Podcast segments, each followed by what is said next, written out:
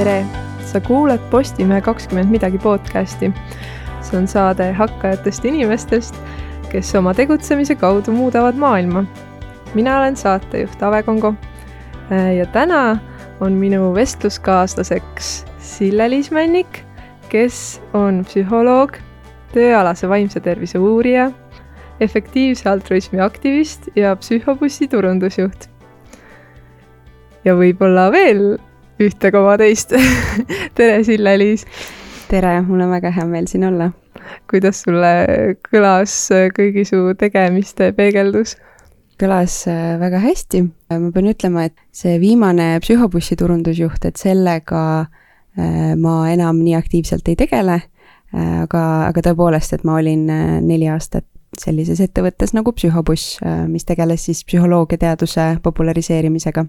aga nüüd olen seal siis nii-öelda ähm, üle andnud oma kohustused mm. -hmm. aga muidu kõik väga õige ja kahtlemata on see ju ikkagi olnud osa teekonnast, kuidas, kui me enne saadet natuke siin rääkisime, et, et kuidas kellegi teekond on olnud ja et see on siis see teekond on jah, huvitav asjaolu. aga meil on siin saates selline traditsioon, eh, mis annabki külalisele võimaluse rääkida natuke oma teekonnast, et eh, nimelt eh, ühe minuti jooksul saad tuua välja, et kuidas sina oled jõudnud praegusesse hetke. kuidas sulle see väljakutse tundub?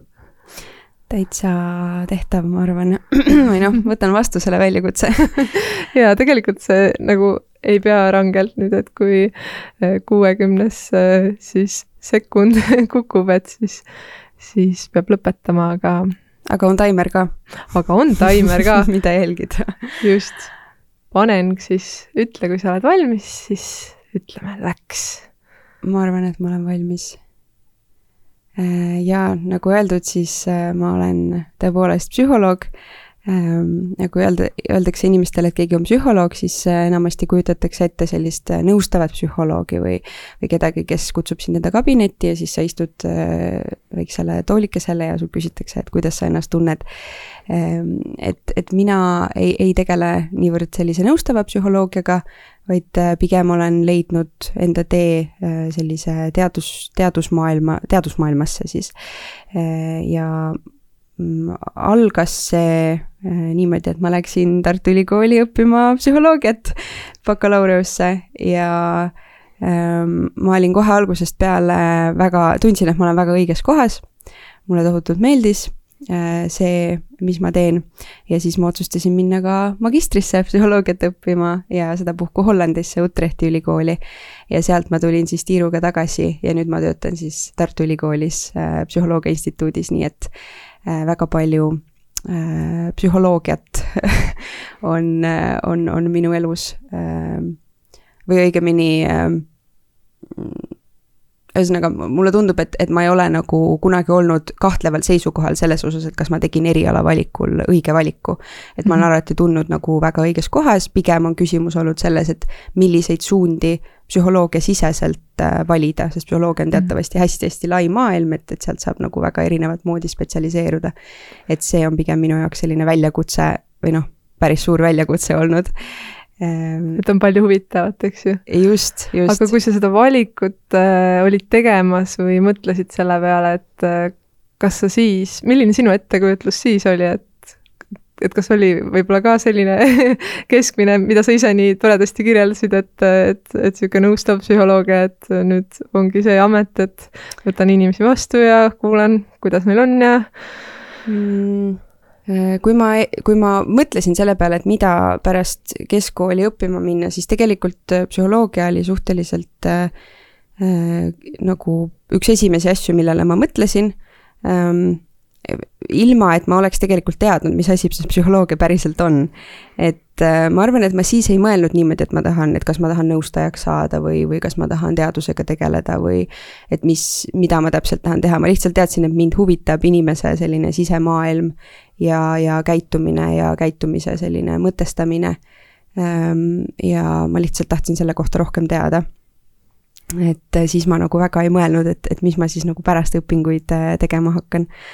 aga see mõte tuli pigem siis bakalaureuse ajal, et okei okay,, et nüüd on vist varsti vaja uuesti mingi valik teha, et et selles mõttes bakalaureuses on nagu see luksus, et et sa ei pea tegelikult nagu spetsialiseeruma, et sa saadki tegelikult äh, väikseid osi kõiksugu psühholoogia valdkondadest, sealt neuroteadusi saad nuusutada, äh, saad kliinilist psühholoogiat natuke, saad kognitiivset psühholoogiat, et ühest küljest on see hullult tore, aga, aga teisest küljest on jälle see, et kui, kui sa oled selline nagu mina, kes kellele väga paljud asjad tunduvad huvitavad, siis äh, jah, on, tekib olukord, kus äh, on raske äh, valikut teha, aga noh, lõpuks ma selle valiku tegin nii et äh, äh, läks hästi, olen rahul mm. -hmm. Kas ma saan õigesti aru, et nüüd sa siis keskendudki teadustööle ja, ja uurid täpsemalt siis tööalast vaimse tervise küsimusi? jaa, ja või, võib öelda nii küll, et, et, et noh, teadlane on minu kohta palju öeldud äh,. seda ma, niimoodi ma ennast ei nimetaks. et äh, tegelikult minu praegune töökoht oli selline kuidagi, kukkus mulle justkui sülle et äh, ma oma magistris õppisin äh, sellisel pika ja lohiseva nimega erialal nagu sotsiaal, tervise ja organisatsioonipsühholoogia, mis on jällegi selline hästi Väga. lai, aga, aga samal ajal tal oli üks selline kindel fookus, äh, mis mind väga paelus. ehk siis, et kui me tahame, et inimeste eludes nagu äh, esile tuua äh, selliseid positiivseid muutusi nende käitumises. ehk siis, et, äh, et see seal magistriprogrammis nendes ainetes me üritasime leida siis vastuseid küsimusele, et kuidas me saaksime muuta inimese elukeskkonda või näiteks ka töökeskkonda niimoodi, et tal oleks võimalikult lihtne neid positiivseid valikuid teha. ja, ja et et ühesõnaga, et tal oleks need võimalused üldse, et käituda tervislikumalt, ühesõnaga teha tervislikumaid äh, valikuid äh, ja mitte, mis ainult tervist, tervist puudutab, et, et ka muid selliseid inimese enda jaoks ähm, häid äh, asju et, et kuidas neid nagu lihtsustada inimese jaoks ähm,. ja siis, äh, kui ma tagasi tulin äh,, siis äh, nüüd ma olen umbes aasta aega Tartu Ülikoolis töötanud ja, ja see Ähm, need kaks projekti, millega ma tegelen praegu, ähm, sattus, sattusid mulle kuidagi niimoodi, et äh, ma reageerisin oma ühe endise õppejõu üleskutse peale, kes äh, kuulutas, et otsime organisatsioonipsühholoogia huvilist, et meil on üks selline tore tööalase vaimse tervise äh, projekt käimas ühe ettevõttega koostöös, et otsime tiimi juurde inimesi ja mina siis äh, loomulikult haarasin võimalusest kinni mm. -hmm. ja siis äh, selle töö käigus siis kuidagi minu see endine õppejõud, kellega koos ma töötasin või töötan, temal oli pakkuda veel üks projekt, mis on samuti seotud tööalase vaimse tervisega, aga rohkem pigem nagu selle mõõtmisega mm.. ja samuti ühe ettevõttega koostöös, et nüüd ma nende kahe, kahe projektiga tegelengi, et ühe, ühes olen selline projektitiimi liige ja teises olen siis rohkem nagu projektijuhi rollis. aga mm. mulle tundub, et see sõna projektijuht, see nagu ähm, see ei ütle nagu väga midagi, et, et projektijuhte on hästi palju ja mulle tundub, et et väga paljud projektijuhid teevad tegelikult täiesti erinevat tööd yeah.. et vahel, kui ma ütlen inimestele, et ma olen projektijuht, siis nad eeldavad, et, et mul on mingi tiim inimesi, kes tee-, kes teevad mingisugust tööd, igalühel on oma mingi ülesanne ja siis mina vaatan, et kõik sujuks. aga tegelikult on nii, et see konkreetne projekt, mida ma ju-, juhin, et äh, ma ise olen see tiim mm, -hmm. ehk mhm. siis, et ma ise teen seda projekti, konsulteerides siis ettevõttega ja siis oma nii-öelda juhendaja või, või ülemusega ja siis äh, meie sellises koostöös sünnib siis see projekt mm. -hmm. no siin viimase nüüd äh, pooleteise aasta jooksul on, eks ju, maailm, ma arvan, et ka töömaailm on kohati päris palju muutunud mm. -hmm. et äh, kui ma kuulen, et sa ütled, eks ju, mm, töökeskkonna äh, positiivsed muutused ja nii, et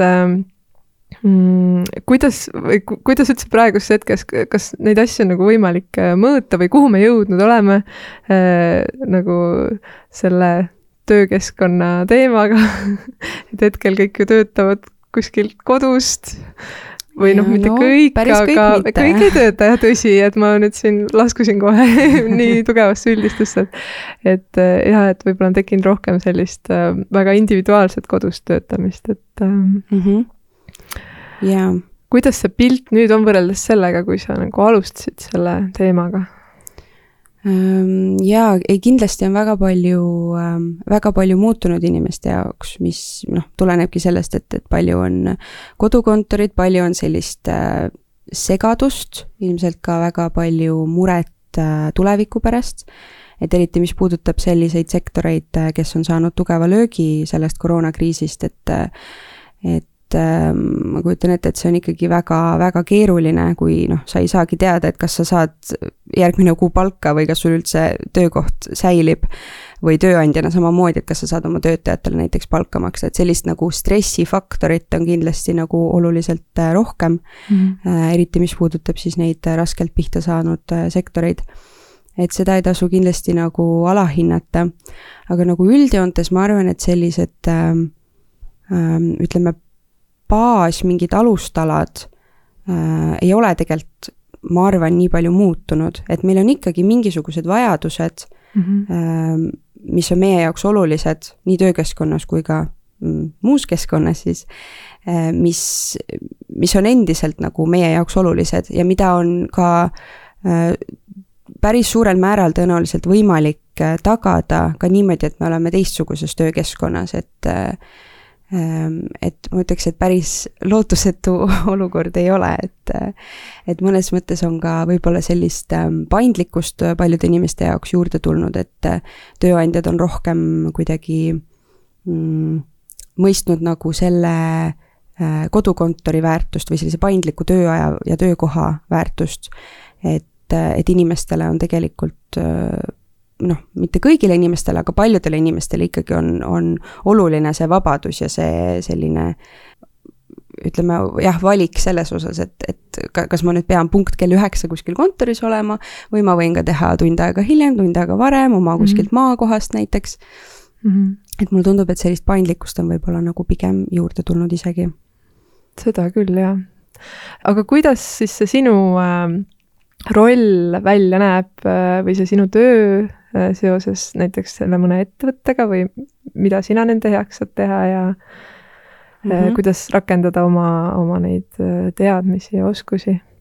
jaa, see, ütleme, kuidas siis seda kõige paremini kirjeldada, kuna need kaks projekti on natuke või noh, päris erinevad tegelikult, aga ütleme, laias laastus, millega äh, vähemalt esialgu oli eriti oluline tegeleda, oligi nagu selline kaardistamine, et millised on need faktorid, mis töö heaolu, tööalast heaolu äh, kõige rohkem mõjutavad, et millele me peaksime üleüldse keskenduma, mida me peaksime mõõtma ja mida me peaksime püüdma muuta mm. -hmm. ja seal on üks selline minu arvates nagu oluline idee on see, et äh, kui me räägime tervisest, äh, nii füüsilisest kui vaimsest tervisest, et siis inimestel on, äh, inimesed mõtlevad tervisest tihtipeale kui haiguse puudumisest et mm. mul noh, ei ole palavikku, luudkondid on terved äh,, ei ole valusid äh,, ei ole depressiooni, ei ole ärevushäiret, järelikult terve et tegelikult ehm, tänapäevasem selline tervisekäsitlus, mis on ka Maailma Tervishoiuorganisatsiooni tervise definitsioon, on see, et sellisest nagu nullpunktist ei piisa, et tervis on midagi enamat, et terve inimene on see, kes mitte ainult, et kellel ei puudu haigus, vaid lisaks sellele, kes on sellises nagu heaolu seisundis mm. -hmm. kas ja... see töö kontekstis tähendab siis seda, et noh, ma ikkagi reaalselt tahan tööle minna, nagu see mingi drive või mingi. just, just, sa jah, väga õiges suunas äh, tüürid, et äh, tõepoolest, et, äh, et tööalaselt minu arust see on kuidagi ähm,. tuleb hästi välja ka see, ka sellega, et kui me räägime näiteks töö rahulolust, siis mulle tundub, et tööga rahulolu pigem on nagu selle nullpunkti sarnane olukord, et noh, et kõik on justkui okei okay, mm, -hmm. et mhm. midagi ei ole nagu puudu. aga, aga olulisem oleks ju tegelikult või, või sinna juurde võiks nagu teada saada ka seda, et, et mis on see nagu ekstra, mis on see, mis, mis paneb inimese tahtma tööd teha et ta teeks seda tööd mõnuga, et talle meeldiks see, et ta saaks sellest mingisugust muu, mingisugust lisaväärtust enda ellu, mitte ainult see raha, eks ole, mis ta selle mm -hmm. töö tegemise eest saab. üks selline mõiste, mida kasutatakse, on tööhaaratus Äh, inglise keeles sihuke engagement, et, äh, et mis on minu arvates väga ilus sõna eesti keeles, et sa oled justkui oma tööst haaratud. Ähm, et äh, see, see koosnebki sellisest nagu energiast, sellisest tahtest tööd teha ja teiselt poolt ka sellisest ähm, nagu süvenemise komponendist, et, et sul on need ül-, et ülesanded nagu noh, ongi justkui nagu haaravad endasse, et sul on raske nagu muudele asjadele mõelda, sest et see ülesanne on lihtsalt nii põnev, millega mm -hmm. sa tegeled küsimus võib-olla ongi see, et kuidas siis seda nagu töö haaratust äh, suurendada ja, ja sellega me oleme ähm, ühe, ühes projektis siis äh, nagu väga otseselt ja, ja natukene ka teises projektis siis äh, tegelen nende teemadega. et, et, et mis seda haaratust siis mõjutab mm? -hmm. see on väga hea küsimus, eks ju, mis siis kohe kerkibki, et kas või kuidas sulle tundub, et kas seal on nagu universaalseid asjaolusid või on ikkagi nagu oleneb ka sellest töökoha spetsiifikast või, või, või äh, millest see siis oleneb? kindlasti oleneb. on töötaja? kindlasti oleneb äh, tööst, oleneb inimesest ja oleneb paljudest muudest faktoritest, aga ähm, me saame ikkagi öelda, et on mingisugused sellised ühisosad või mingid kindlad asjad või reeglid, mis mis kehtivad peaaegu et kõigile mm. -hmm. Et äh, üks selline teooria, millest ka oma uurimistöös oleme lähtunud, on selline ähm, ressursside nõudmiste mudel. kõlab hästi keeruliselt mm, -hmm. aga mhm. tegelikult idee seal taga on hästi lihtne, et äh, kõikidel äh, töödel, vahet ei ole, kas me räägime füüsilisest tööst või, või vaimses, vaimselt keerulisest tööst, ähm, on olemas teatud nõudmised ja teatud ressursid. Ja nõudmised on kõik need tööomadused, mis nõuavad sinult mingisugust äh, pingutust äh, see võib olla näiteks äh, töökoormus, et sul on lihtsalt hästi palju ülesandeid, mida sa pead tegema mm. -hmm. see võib olla tempo, sa pead hästi kiiresti midagi tegema. Ähm, see võib olla ka näiteks mingi selline emotsionaalne raskus, et sul on näiteks väga nõudlikud kliendid või, või kes näiteks vihastavad su peale ja sa pead kuidagi selle olukorraga toime tulema, et see on mm, -hmm. see on ka selline nõudmine. ja siis teiselt poolt äh, me saame rääkida ressurssidest ja need on siis kõik need asjad, mis aitavad nende nõudmistega toime tulla.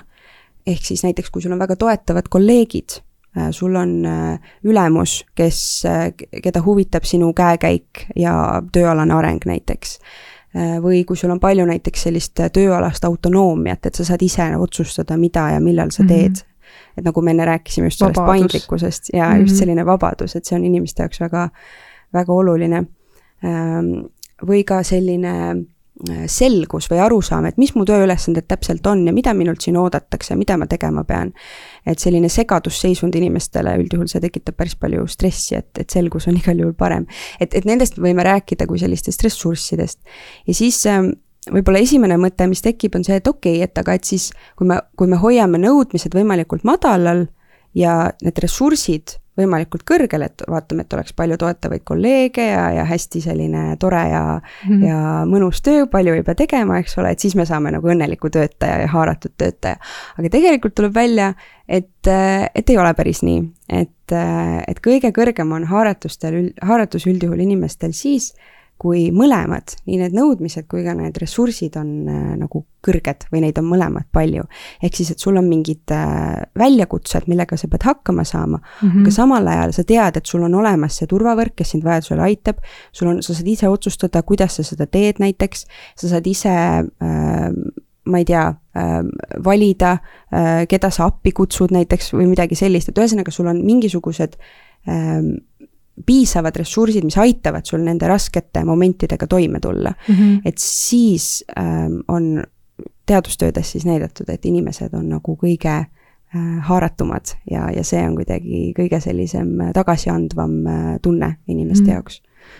ühesõnaga, et kas ma saan õigesti aru, et siis peab olema nagu, et see töö või see ülesanne peaks ikkagi olema nagu piisavalt keeruline, et, äh, et inimene tunneb nagu mingit äh, väljakutset ja siis, kui ta, ja siis samal ajal on, eks ju, mingeid toetavaid äh, tõesti elemente, et yeah., et mis juhul, kui ta tunneb, et ta ikka ei saa sellega ise hakkama, et siis siis need toetavad ja siis lõpuks on selle tulemusel siis niisugune rahulolutunne, et oh, ma sain nagu selle äh, mingisuguse ülesandega hakkama, eks ju. jaa, et see võib olla, eks ole, nii ülesande, nii, nii pärast seda tegevust, aga ka tegelikult selle tegevuse ajal, et inimesel on palju lihtsam süveneda mingisse teemasse ja päriselt äh, mõelda sellele, kuidas ma mingi raske ülesandega hakkama saan. kui ta teab äh,, mis on tema eesmärk, tal on, tal on selge tema roll ja ta teab, kuhu ta näiteks äh, abi puhul äh, pöörduda võiks, et, et kui, kui inimesel on nagu ühesõnaga need ressursid paigas, et siis äh, ta ei peagi nagu muretsema selle pärast, et äkki ma ei saa hakkama või et mm, -hmm. et, et mis siis juhtub, et, et ta kuidagi ähm, saab nagu ähm, jah, ühesõnaga haaratud rohkem olla mm -hmm. sellest tegevusest. aga kuidas saab nagu praeguses, noh, võib-olla siin meie Eesti ühiskonnas liigub, mulle tundub ikkagi järjest rohkem sinnapoole, et et on nagu mingid töökohad, kus võib-olla see kõik on niiviisi mõnusalt tasakaalus mm, -hmm. aga et siis on ikkagi võib-olla niisugused lihtsama töökohad, kus nagu noh, selles mõttes, et see ma arvan, et võib-olla mingit lühikest aega võib see olla tõesti väga põnev ja väljakutsuv panna näiteks kaupa välja või, või teha mingit niisugust tööd, aga, aga, aga et pikema aja jooksul, et, et see tõenäoliselt muutub üsna üksluiseks, et mm -hmm. ja, ja tihti on ka nagu märgata, et äh, tuuakse ka väljapoolt tööjõudu sisse, sest et äh, oma inimestel ei olegi piisavalt huvitav see, äh, see sihuke, et, et, et kuidas, kuidas selliseid küsimusi saab lahendada või sest et ometigi need tööd tuleb ju ära teha, et, et kuidas saab lahendada võib-olla mingis lihtsama profiiliga töökohas seda, et inimene tunneks, et ta on haaratud mm. -hmm see on äh, oluline ja natuke ka keeruline küsimus selles mõttes, et kindlasti või noh, seda on ka, on ka teada, et tõepoolest see on, see on nii, et, et lihtsamat ja sellist üksluisemat tööd tegevatel inimestel on keerulisem sellist haaratust äh, saavutada mis noh, peamiselt tulenebki sellest, et need, need nõudmised, mida töö esitab, noh, need ei ole nagu piisavad, et, et või siis on, on mingid sellised nõudmised, mis, mis ei pruugi haaratusele kaasa aidata, mis ongi näiteks mingi ebameeldiv töökeskkond näiteks, et, et, et seal on nagu, sellega on nagu palju keerulisem äh, toime tulla, kui sa pead kuskil hästi palavas või hästi külmas kohas näiteks töötama, et aga, aga ma ei taha seda öelda, et see oleks võimatu mm, -hmm. et, äh, et ka on palju näiteid sellest, kuidas inimesed tegelikult suudavad enda jaoks äh, selle haaratuse leida ka pealtnäha täiesti noh, sellistest tegevustest, et nagu kuidas see võimalik on mm. -hmm. et see saab sulle nii palju rõõmu pakku või sellist ähm, ähm elamust pakkuda siis.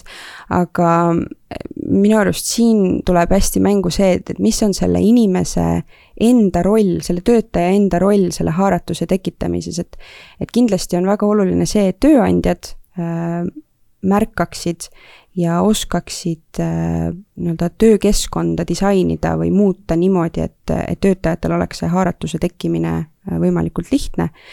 aga teiselt poolt saab töötaja ise hästi palju ära teha.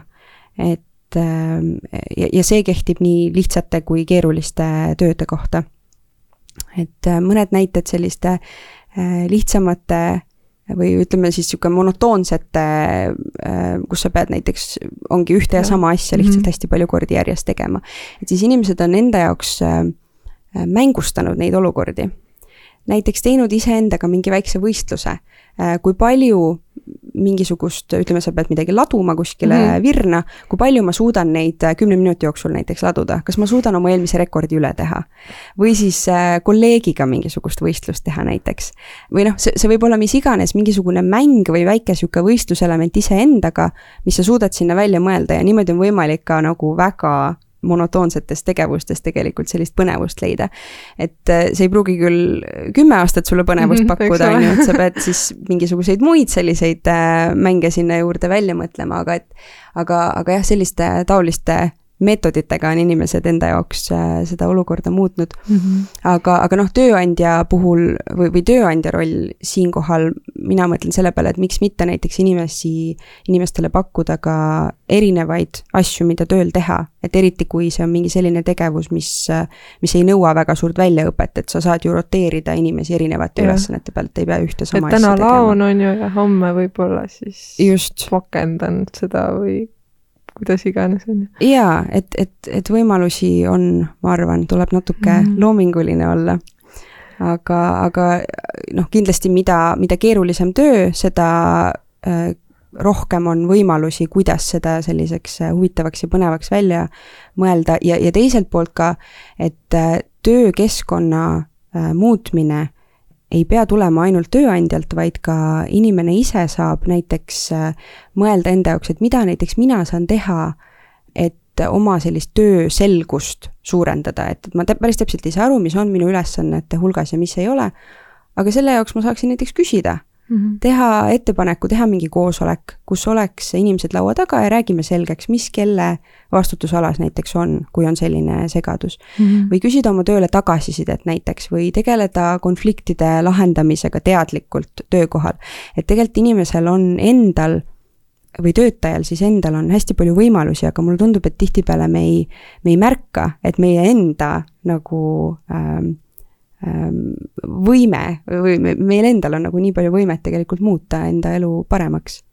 tõsi, või siis vähemalt, kui me märkame, et siis toetada nagu ise siis neid inimesi, kellel võib-olla paistab, et on seda toetust vaja, et mul, ma lihtsalt olen tihtipeale nagu mõelnud, et ja ja kohati ka püüdnud äh, märgata, noh näiteks, et äh, poes klienditeenindajad, eks ju, et äh, nad tõesti teevad ju päev läbi suhteliselt samu liigutusi. Ja et siis äh, noh, et me klientidena saame ju ka neile öelda paar sõna ja et äh, tere, näiteks Kristel või kes parajasti seal letis on, eks mm -hmm. ju, et mhm. kuidas sul läheb et äh, yeah jaa, igati nõus, et, et olla ise selle töötaja jaoks äh, kliendina pigem see ressurss kui see nõudmine, on ju, see, see tore klient, kes, äh, kes naeratab ja ütleb paar head sõna selle asemel, et, äh, et kurta mingisuguse asja üle, mis ei, võib-olla ei ole isegi teenindaja nii-öelda vastutusalas. eks ole, või üldse mitte midagi välja näidata, eks ju aga kuidas, kuidas ennetada üldse sellist, noh, ikkagi tihti tuleb ette, et räägitakse läbipõlemisest, eks ju, tööl, et kuidas või noh, nagu ja siis inimesed tihtipeale on üllatunud, et kuidas ma üldse sellesse momenti jõudsin.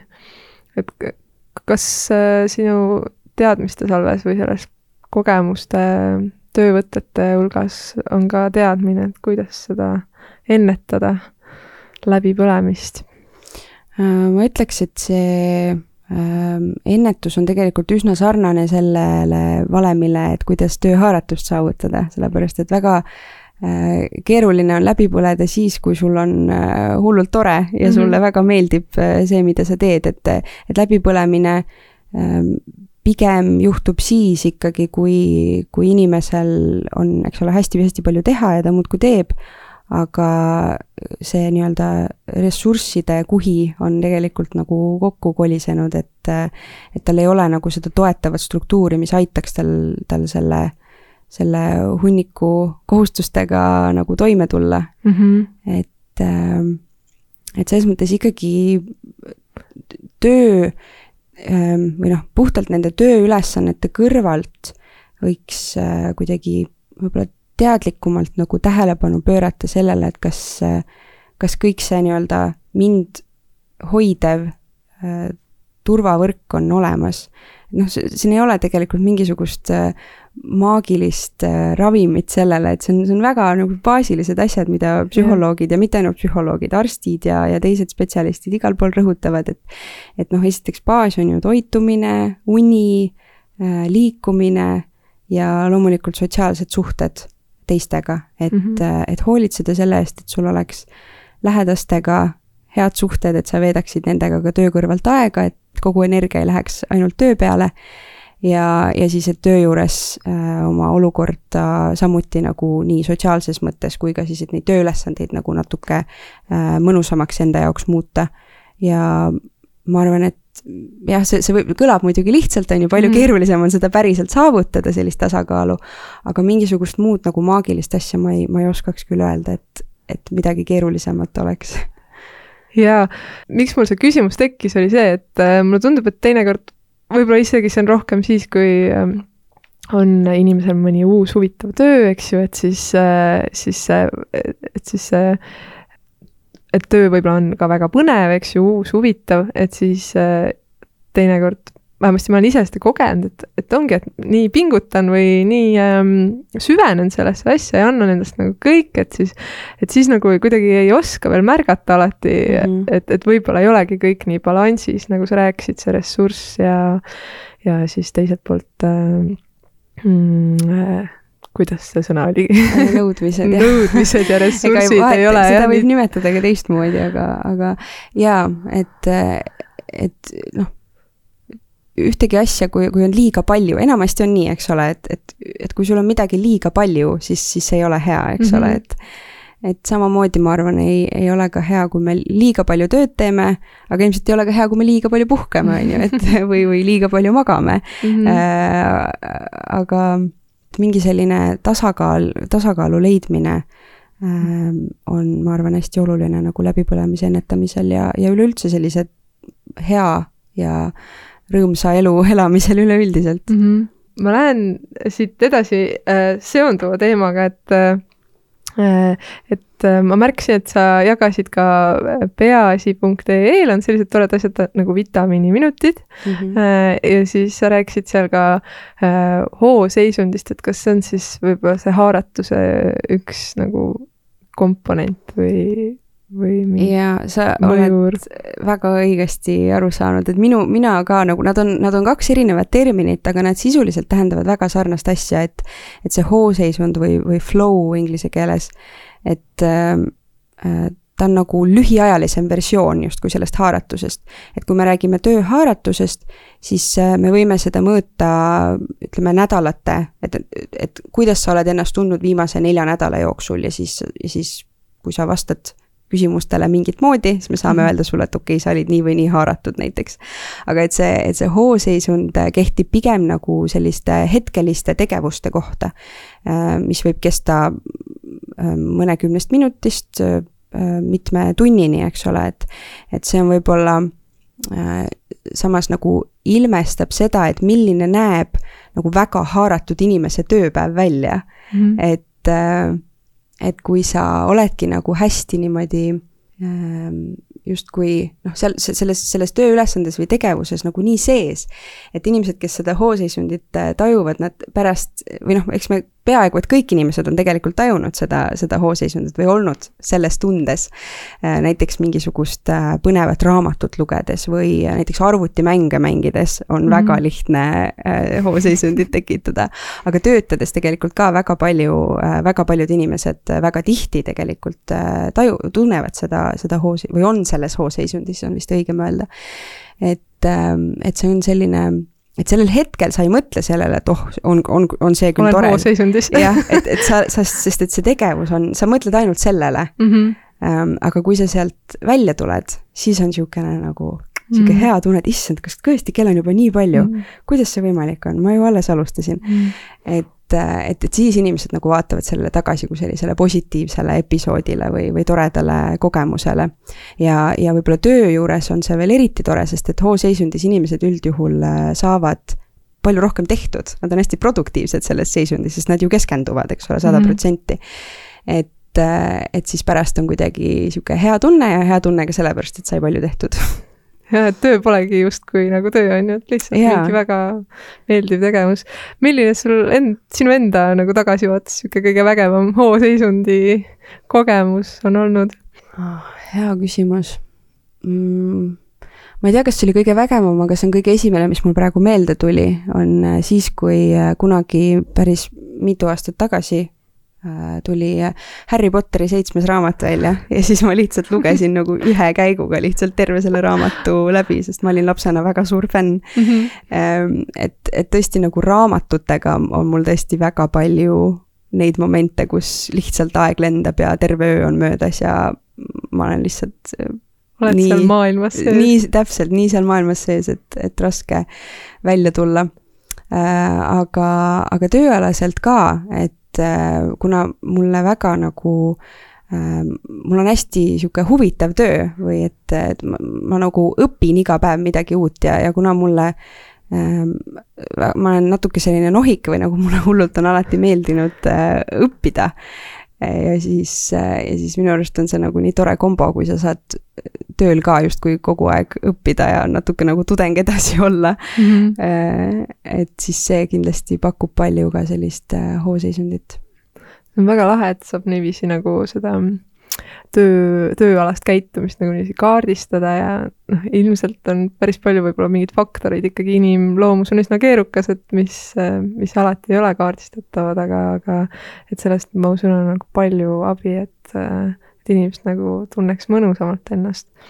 et ma uurisingi, et sa oled ka uurinud tahtejõudu kui sellist natuke täpsemalt, et see on nüüd siin pika pealkirjaga uurimustöö, aga, aga see uurimus vist kokkuvõtvalt, kui ma õigesti aru sain, ütles, et äh, inimesed, kes usuvad äh, tahtejõudu kui siis piiramatusse ressurssi, äh, on siis iseenda nagu reguleerimisel paremad ja saavutavad nagu kõrgemaid uurimustöö kontekstis siis akadeemilisi tulemusi, aga ma usun, et see vist on nagu laiendatav ka mitte ainult akadeemilisel äh, teemadele, et enda, mis olen mõelnud, et see tahtejõud on nagu sihuke huvitav, huvitav nähtus, et äh, et kuidas sellega siis on, et kas, kas osadel on seda rohkem või vähem kui teistel või? see on jah, minu bakalaureuse töö, kus see teema mulle hästi palju huvi pakkus, sest ma ähm, sattusin äh, Äh, kunagi äh, lugema ühe sellise teadlase nagu Carol Dwecki äh, tööd. Ja tema uuris sellist või uurib sellist teemat nagu, ongi selline nagu Äh, eesti keeles on siis mõtteviis, et kuidas äh, laias laastus võib äh, jagada inimesi nagu kaheks, noh, tegelikult on see skaala, et, et, et ei ole nii, et ühed on üks ja teised on null, on ju, aga noh, ütleme, kui me lihtsustatult ütleme, et et osadel inimestel on rohkem nagu selline vaade, et, et intelligentsus või selline tarkus on mingi niisugune nagu kaasasündinud omadus, mida ei saa väga palju arendada. ja siis teiselt poolt on jälle palju inimesi, kes arvavad, et äh, ei, mis asja, et muidugi saab ja, ja kui, kui äh,, kui ma ei oska, siis ma pole lihtsalt piisavalt palju proovinud ja õppinud ja küll järgmine kord äh, saan targemaks ja kiiremini kõrgemale-kaugemale, et rohkem nagu sellise äh, mõtlemisega. ja siis nüüd seda äh, nagu tahtejõu kontekstis on nagu sarnaselt, et, et, et on inimesed, kes on rohkem võib-olla arvavad siis, äh, et et kui ma olen nagu ühe korra hästi tugevalt pingutanud, vaimselt pingutanud, siis et siis ma pean hästi pikalt taastuma ja ma ei saa nagu järgmise keerulise ülesandega ilmselt äh, väga hästi hakkama. ja siis teiselt mm. poolt on inimesed, kes pigem tunnevad, et ei, et just, et üks, üks raske ülesanne on tehtud, andke aga veel, et äh, küll ma saan järgmisega ka väga hästi hakkama. et, ähm, et minu seal uurimistöös jah, ma ähm, vaatasin nende nagu äh, erinevate uskumustega inimeste eh, seoseid siis nende sellise eneseregulatsiooniga. seal olid erinevad eh, osad, et seal oli emotsiooniregulatsioon, siis me vaatasime sellist kohustuste edasilükkamist, et kuivõrd nad nagu nii-öelda prokrastineerivad, ja siis ka selline raha kulutamine, ehm, ehk siis natuke selline ehm, impulsiivne raha kulutamine mm. oli siis seal veel üks mõõde, et, et kus me siis leidsime jah, et et, et need, kes on nagu, kes usuvad, et äh, tahtejõud on selline piiramatu mm, -hmm. ehk siis andke aga veel ja küll ma hakkama saan, et nemad on nagu paremad enesereguleerijad, et äh, ja, ja paremate selliste jah, akadeemiliste tulemustega ka et minu arust oli see nagu hästi, ma, ma enam selle teemaga ei, ei ole nüüd ammu tegelenud, aga jah, bakatöö ma kirjutasin sellel teemal, sest et hästi kuidagi kõnetas mind ennast mm. -hmm. sest et äh, kui ma ise käisin gümnaasiumis, siis ma olin täiesti veendunud, et ma ei oska matemaatikat ega füüsikat ega keemiat ega ühtegi reaalainet ja äh, ma olin jah, hästi kuidagi ütleme siis selle teooria järgi siis nagu selles grupis, kes arvab, et noh, et sul on mingisugune võimekus, mis on nagu noh, et kas oled või ei ole, et kas oled. seda jah jah, noh, see on levinud, eks ole, et ma, ma ütleks. kõik saavad vist näiteid tuua oma elust, on ju. täpselt mm, -hmm. ja, ja see tegelikult tagasi vaadates nagu on hästi negatiivselt mind mõjutanud, et kui ma praegu näiteks läheks tagasi gümnaasiumisse, äh, mõeldes nii, nagu ma praegu mõtlen, siis ma oluliselt rohkem paneksin rõhku reaalainete õppimisele mm, -hmm. sest et ma näen, et noh, et see, see ei ole nii, et, et, et kas sa oled matemaatikainimene või ei ole. et äh, kõigil on võimalik nagu areneda mis tahes valdkonnas, et ma arvan, et ma kuidagi ähm, te-, teeksin rohkem ja kuidagi püüaksin rohkem mm, -hmm. et ähm, aga samas ma usun, et see ei ole ju ka tekkinud, noh, see, see ei ole, ei tekkinud sul ju, eks ju, tühjast kohast, on ju, see, see uskumus enda matemaatikavõimete kohta, et, et kuidas sulle tundub, et mis seda nagu veel mõjutab, seda jaa, ma olen absoluutselt nõus. kujunemist, kui sul on tekkinud mingi pilt seoses selle uurimisega? jaa, äh, see on igati õige, et noh, et me, me keegi ei, ilmselt ei sünni, eks ole, niimoodi, et mul on mingid uskumused ja, ja keegi teine neid ei mõjuta, et loomulikult me oleme oma lähedaste ja õpetajate ja klassikaaslaste ja, ja, ja teiste inimeste nagu mõjusfääris, et et kui sulle äh, ütleme, äh, ka teistel inimestel on sellised uskumused, et siis see kindlasti mõjutab ka sind ennast, et teatavasti ka paljud täiskasvanud ju oma laste kohta näiteks ütlevad, et, et noh, et minu poeg või tütar, et tema on meil selline reaalmõtlemisega rohkem või et tema on nagu mm -hmm. humanitaar või tema on musikaalselt andekas, eks ole, et. siis kinnitavad mingeid uskumusi, eks ju. jah, et, et noh, et ühest küljest see on nagu hästi tore, kui sa tood inimese sellist tugevust välja, aga teiselt poolt noh, et, et see ei tähenda seda, et ta ei pruugiks nagu teistes valdkondades ka andekas ja tubli äh, olla. et, et seal nagu jah, saavad ilmselt ka vanemad ja õpetajad nagu palju ära teha, et mitte niimoodi sellist no, nagu lukku panna, et sina nüüd oled see, seal kastis ja sina oled nüüd matemaatikas hea ja sina ei ole, et äh, niimoodi ilmselt äh, õpilasele ei ole kõige parem. ja et siis mõjutab sedasama võib-olla tahtejõudu, eks ju, et ehkki võib-olla teema ise läheb nagu korda, aga, aga mm. -hmm. et äh, jah, et, et tegelikult see äh, ütleme, nende kahe nagu mõtteviisi äh, puhul on, on nagu hästi erinev see, kuidas inimene suhtub äh, läbikukkumistesse mm. -hmm. et kui sa ei saa millegagi hakkama, näiteks noh, kooli kontekstis, et saad, ma ei tea, kontrolltöö kahe või midagi sellist, et et siis ühe mõtteviisiga inimene mõtleb, et näed, ongi tõestus, et ma ei oska matemaatikat. sain kahe, järelikult ei oska, on ju. Mhm. aga teiselt poolt siis see, see nagu teise mõtteviisiga õpilane võib öelda, et okei okay,, et sain kahe, järelikult seekord ei õppinud piisavalt. või et, et ma ei tea olid mingisugused äh, muud põhjused, miks äh, ei saanud praegu nagu hakkama, et see ei defineeri nagu, see hinne ei defineeri sind. et et mhm. sina nüüd ei oska matemaatikat, on ju, et see oli ainult see üks töö, aga järgmine kord õpid ja järgmine kord läheb paremini, et. et see on nagu jah, ühesõnaga selline suhtumine läbikukkumistesse on nagu hästi erinev ja, ja sellest ka sõltub, eks ole, et kas sa oled nõus uuesti proovima ja uuesti pingutama mm. -hmm aga selle uuringu teadmise valguses saab vist siis öelda, et, et seda tahtejõudu on ju võimalik siis kasvatada. jaa. või, või ümber mõtestada endas need, märgata neid uskumusi, mis ei teeni, eks ju, ja siis.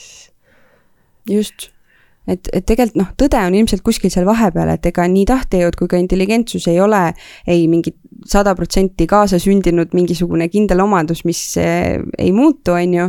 Eh, ja teiselt poolt see ilmselt ei ole ka päris lõputu ressurss, et meil ei ole ilmselt mhm. kõikidel võimalik eh, oma, oma IQ-d lõpmatuseni kasvatada, eks ole.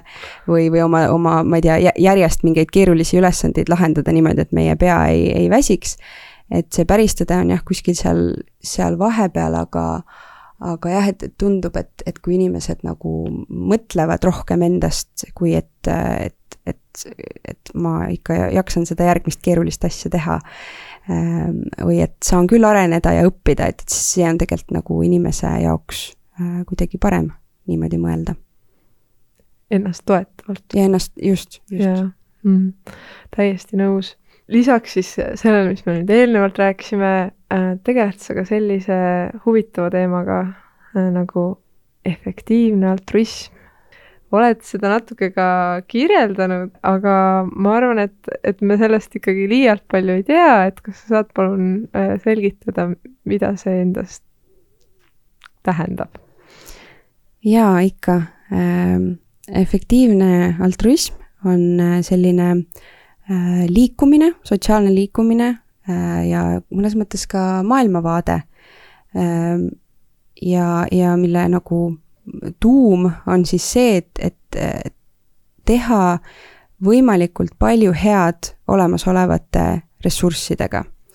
ja see on äh, liikumisena hästi rahvusvaheline, et on väga palju erinevaid organisatsioone üle maailma, kes äh, nii-öelda on sellise efektiivse altruismi mõtteviisiga ja siis on ka äh, nii-öelda erinevates riikides ja linnades on olemas efektiivse altruismi sellised kogukonnad või kes on siis kas mingi MTÜ alla koondunud, vahel ka ülikoolide juures, äh, kes siis äh, on nii-öelda ähm, sarnaselt mõtlevad inimesed ja, ja kes siis äh, püüavad leida viise, kuidas teha võimalikult palju head, kas siis oma karjääriga, Äh, vabatahtliku tegevusega või ka siis äh, annetamisega.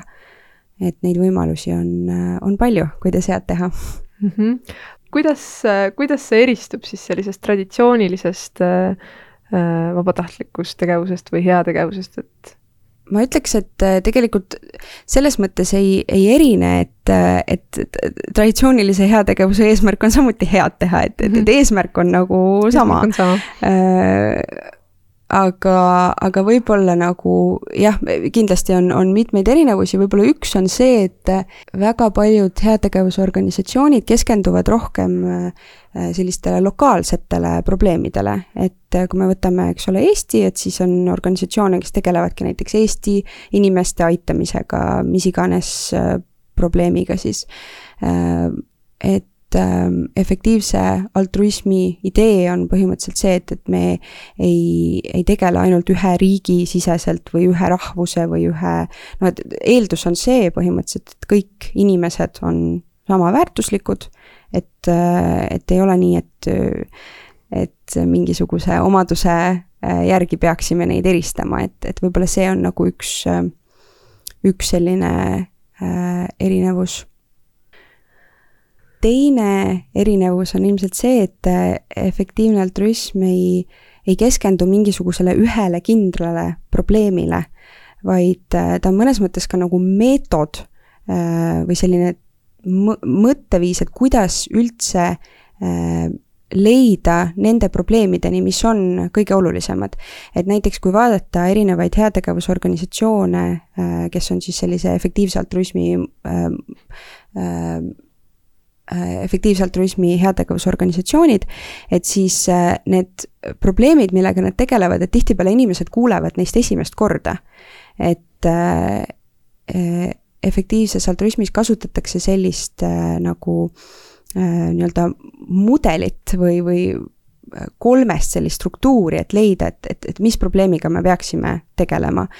millest üks on probleemi ulatus, ehk siis kui paljusid inimesi või ka loomi äh, mingisugune äh, probleem mõjutab ja kui palju see neid mõjutab. Äh, teiseks selline kõrvalejäetus, ehk siis kui palju tegelikult ressursse on sinna juba suunatud, kui palju raha mm., kui palju inimeste aega selle probleemi lahendamiseks praegu kasutatakse mm. -hmm. ja kolmandaks selline lahendatavuse punkt, et, et kas see probleem üldse on lahendatav, kui me paneksime sinna rohkem ressursse juurde mm -hmm. näiteks. Ja, ja selle struktuuri järgi tegelikult äh, on jõutud nagu selleni, et, et need probleemid, mis vajaksid rohkem tähelepanu, et need ei pruugi olla üldse nii teada-tuntud mm. -hmm. et äh, võib-olla üks näide sellest on äh, paljudes Aafrika riikides peamiselt lapsi vaevavad sellised parasiitussid mm. seedesüsteemis. et lääne inimesed ei teagi, et sellised äh, haigused eksisteerivad, aga tegelikult on see väga selline halvav ja, ja äh, nii-öelda enamasti küll mitte eluohtlik, aga siiski väga elukvaliteeti äh, vähendav konditsioon, mida on üliodavalt võimalik ravida. ja, ja kui sellele nagu äh, rohkem tähelepanu tuua, siis, siis inimesed tihtipeale on nagu hästi üllatunud, et issand, et selline probleem eksisteerib, et, et, et muidugi on, on loogiline, et, et me peaksime nagu inimesi aitama, eriti kui me saame nii odavalt seda teha mm. -hmm. ehk et see on niisugune mõistlik, mõistliku käitumise nagu põhimõttel üksteise toetamine või mõistlikud valikud, ma saan aru. jaa, et selline võib-olla, et noh, minu küsimus, mis tekkis, ongi see, et, et noh, et, et, et ütleme, et meil on siin kuskil maapiirkonnas on võib-olla mõni vanem inimene, kes vajab, eks ju, toetust, ja siis meil on võib-olla tõesti siis, nagu sa ütlesid, et on kuskil Aafrika riigis on mõni inimene või elanik, kes on nagu väga vajab toetust, et, et kui mul tuleb nagu valida nende vahel, et, et miks, miks ma peaks nagu võib-olla selle siis valima näiteks hoopis Aafrika riigi elaniku mm. -hmm. ütleme, see jah, see valiku koht on hästi keeruline. et kui ma ole. mõtlen efektiivse altruismi võtmes nagu mm. -hmm. efektiivse altruismi võtmes võib-olla on lihtsalt nii, et, et noh, esiteks äh, efektiivse altruismi nagu idee ei ole kindlasti öelda, et sa pead kindlasti nüüd sinna mm -hmm. Aafrikasse annetama, et kui sa, kui sa tahad lokaalselt annetada, siis loomulikult ja igal inimesel on enda, enda õigus ja otsu-, nii-öelda äh, õigus otsustada ise, eks ole, kuhu ta annetab ja kas ta üldse annetab, on ju. aga võib-olla see nagu mõte seal taga on see, et, et lihtsalt äh, kuna me elame eestlastena väga äh, rikkalt, see ei pruugi võib-olla kõlada tõesena, aga tegelikult äh, äh, keskmist palka teeniv Eesti inimene on äh, umbes kuskil viie protsendi maailma kõige rikkamate inimeste hulgas. mis tähendab seda, et umbes üheksakümmend viis protsenti inimesi on meist vaesemad mm -hmm. ja mhm. paljud neist kohe väga palju vaesemad ehk siis, kui me tahame aidata inimesi ja me mõtleme niimoodi, et, et inimesed on nii-öelda samaväärtuslikud, olenevalt mm -hmm. see, olenemata sellest, kus nad elavad või mm, -hmm. või mis nende rahvus on näiteks. et siis sama raha eest, kui me annetamisest räägime, et siis sama raha eest on meil tõenäoliselt võimalik lihtsalt palju rohkem inimesi aidata mm, -hmm. kui me mhm. teeme seda äh, väga vaesetes riikides mm. -hmm. et näiteks äh, võib-olla üks, üks selline äh, Ehm, hea näide on malaaria, et lääneriikides noh, et kui keegi meist haigestub malaariasse, siis noh, me ei sure sellesse ära mm. -hmm. Need ravimid on üliodavad, et äh, kuskil kaks, kaks viiskümmend maksta mingi ravimi eest ei tundu meile nagu väga keeruline. aga kui sa elad riigis, kus, äh, kus sinu päeva sissetulek on võib-olla vähem kui kaks eurot, siis see võib olla päris kallis väljaminek ja sul ei pruugi isegi seda äh, meditsiiniasutust olla läheduses, kust seda ravimit saada. et ühesõnaga, mis, mis ma tahan öelda, on lihtsalt see, et, et paljud sellised asjad, näiteks nagu haigused, äh, mida, mida meil ei ole, aga mida, mis on näiteks arenguriikides, et, äh, et, et minu arvates see tundub kuidagi noh, loogiline, et me pöördume nagu sinna, kus tegelikult saab väga lihtsate vahenditega ja väga odavalt tegelikult väga palju ära teha mm. -hmm ja, ja see on jah, üks asi, mida efektiivses altruismis ka nagu võib-olla äh, nii-öelda e-, edendatakse või, või üritatakse. maailm ja inimkond on ikkagi nagu üks, eks ju, ja, ja, ja et, et tegelikult selles mõttes ka ressursid on võib-olla üks. just, et, et noh, et tegelikult on meil ju tänapäeval suurepärane võimalus aidata nii palju inimesi, et äh, mitte kunagi varem ajaloos ei ole meil olnud esiteks nii palju infot üldse, et äh, kus, kellel, mis probleemid on äh,, ku-, kuidas me neid üldse aidata saaksime, meil on nagu nii palju võimalusi tänapäeval. Äh, meil on kahe nupu vajutuse kaugusel see, et, et aidata kedagi teisel pool maakera äh, et, et see on tegelikult nii lihtsaks tehtud, et äh, minu arust on see lihtsalt suurepärane võimalus äh, väga lihtsate vahenditega ja kiirelt teha äh, palju head mm,. ma arvan, et see on väga hea sõnum äh,. ma küsiksin sult lõpetuseks, sihuke pisike fakt on, et tegelikult oli väike võimalus, et sina oma teekonnal oleksid hoopis äh, siin istuksid minu kohal ja võib-olla meie kohad oleksid vahetuses, et kui sa istuksid siin minu asemel, siis mida sa ise endalt küsiksid? Ma küsiksin vist ähm,, mis on ka seotud võib-olla efektiivse altruismiga, aga ma küsiksin karjääri planeerimise kohta. see on ka mingi teema, millega ma praegu ise äh, aktiivselt tegelen, ehk siis mõtlen sellele, kuidas ma saaksin oma äh, nii-öelda erialast tausta ehk siis psühholoogiat siduda siis oma äh, selle ideega, et, et kuidas ma saaksin nii-öelda kõige paremini oma karjääriga oma elu jooksul head teha, et võib-olla selle kohta ma küsiksin. see on väga ilus küsimus. paiskame selle küsimuse kõigile õhku, sest et ma arvan, et see on kõigile mingit pidi oluline. aitäh, et sa saatesse tulid, Sille-Liis, ja jagasid kõiki neid huvitavaid äh, teemasid äh, töö ja, ja, ja maailma ja heategevuse kohta. aitäh kutsumast! aitäh, et kuulasite